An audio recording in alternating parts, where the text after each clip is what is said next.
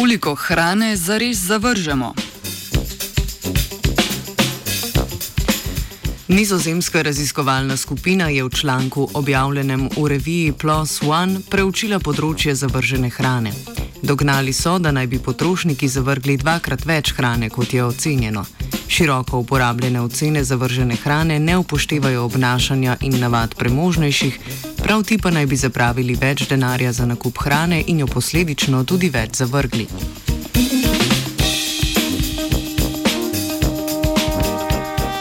Organizacija za prehrano in kmetijstvo Združenih narodov FAO je leta 2005 izdala poročilo, v katerem so ocenili, da je zavržene hrane za eno tretjino vse predelane hrane na svetu. V tem kontekstu se zavržena hrana definira kot hrana, ki je primerna za človeško prehrano, a se je ne zaužije. Njihova metodologija pa je ocenjevanje, pa v ocenjevanje ni vključila vedenja potrošnikov glede živilskih odpadkov, ampak le njihovo preskrbo s hrano.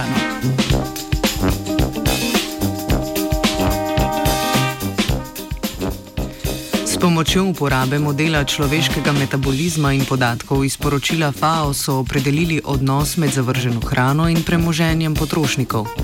Model jim je pomagal pri ustvarjanju mednarodnega nabora podatkov in oceni odpadkov na globalni ter nacionalni ravni. Podatke so sprva simulirali, šele kasneje pa modelirali.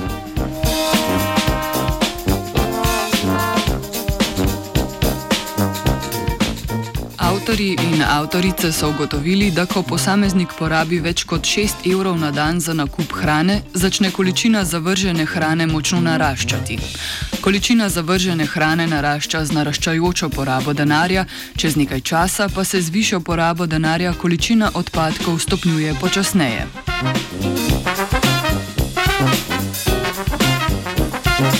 Prav tako so ocenili, da je v poročilu FAO količina zavržene hrane preniska. V poročilu za leto 2015 ocenjujejo, da je bilo zavržene hrane za energijsko vrednost 214 kilokalorij hrane na dan na prebivalca. Danes predstavljeni model španske raziskovalne skupine pa je za isto leto ocenil, da je bilo zavržene hrane za 527 kilokalorij na dan na prebivalca, kar je več kot dvakrat več.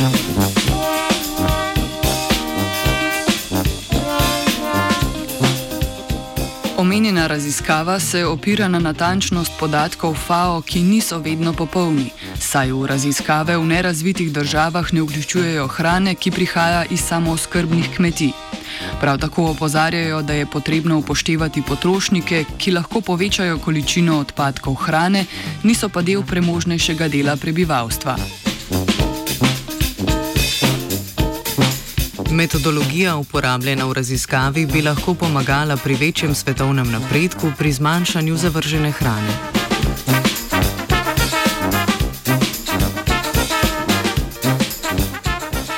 Preveč hrane zavrže Jana. Ali naj to pojem, ali naj pojem to? Ja, fuk, oboje bom, ne? 3, 2,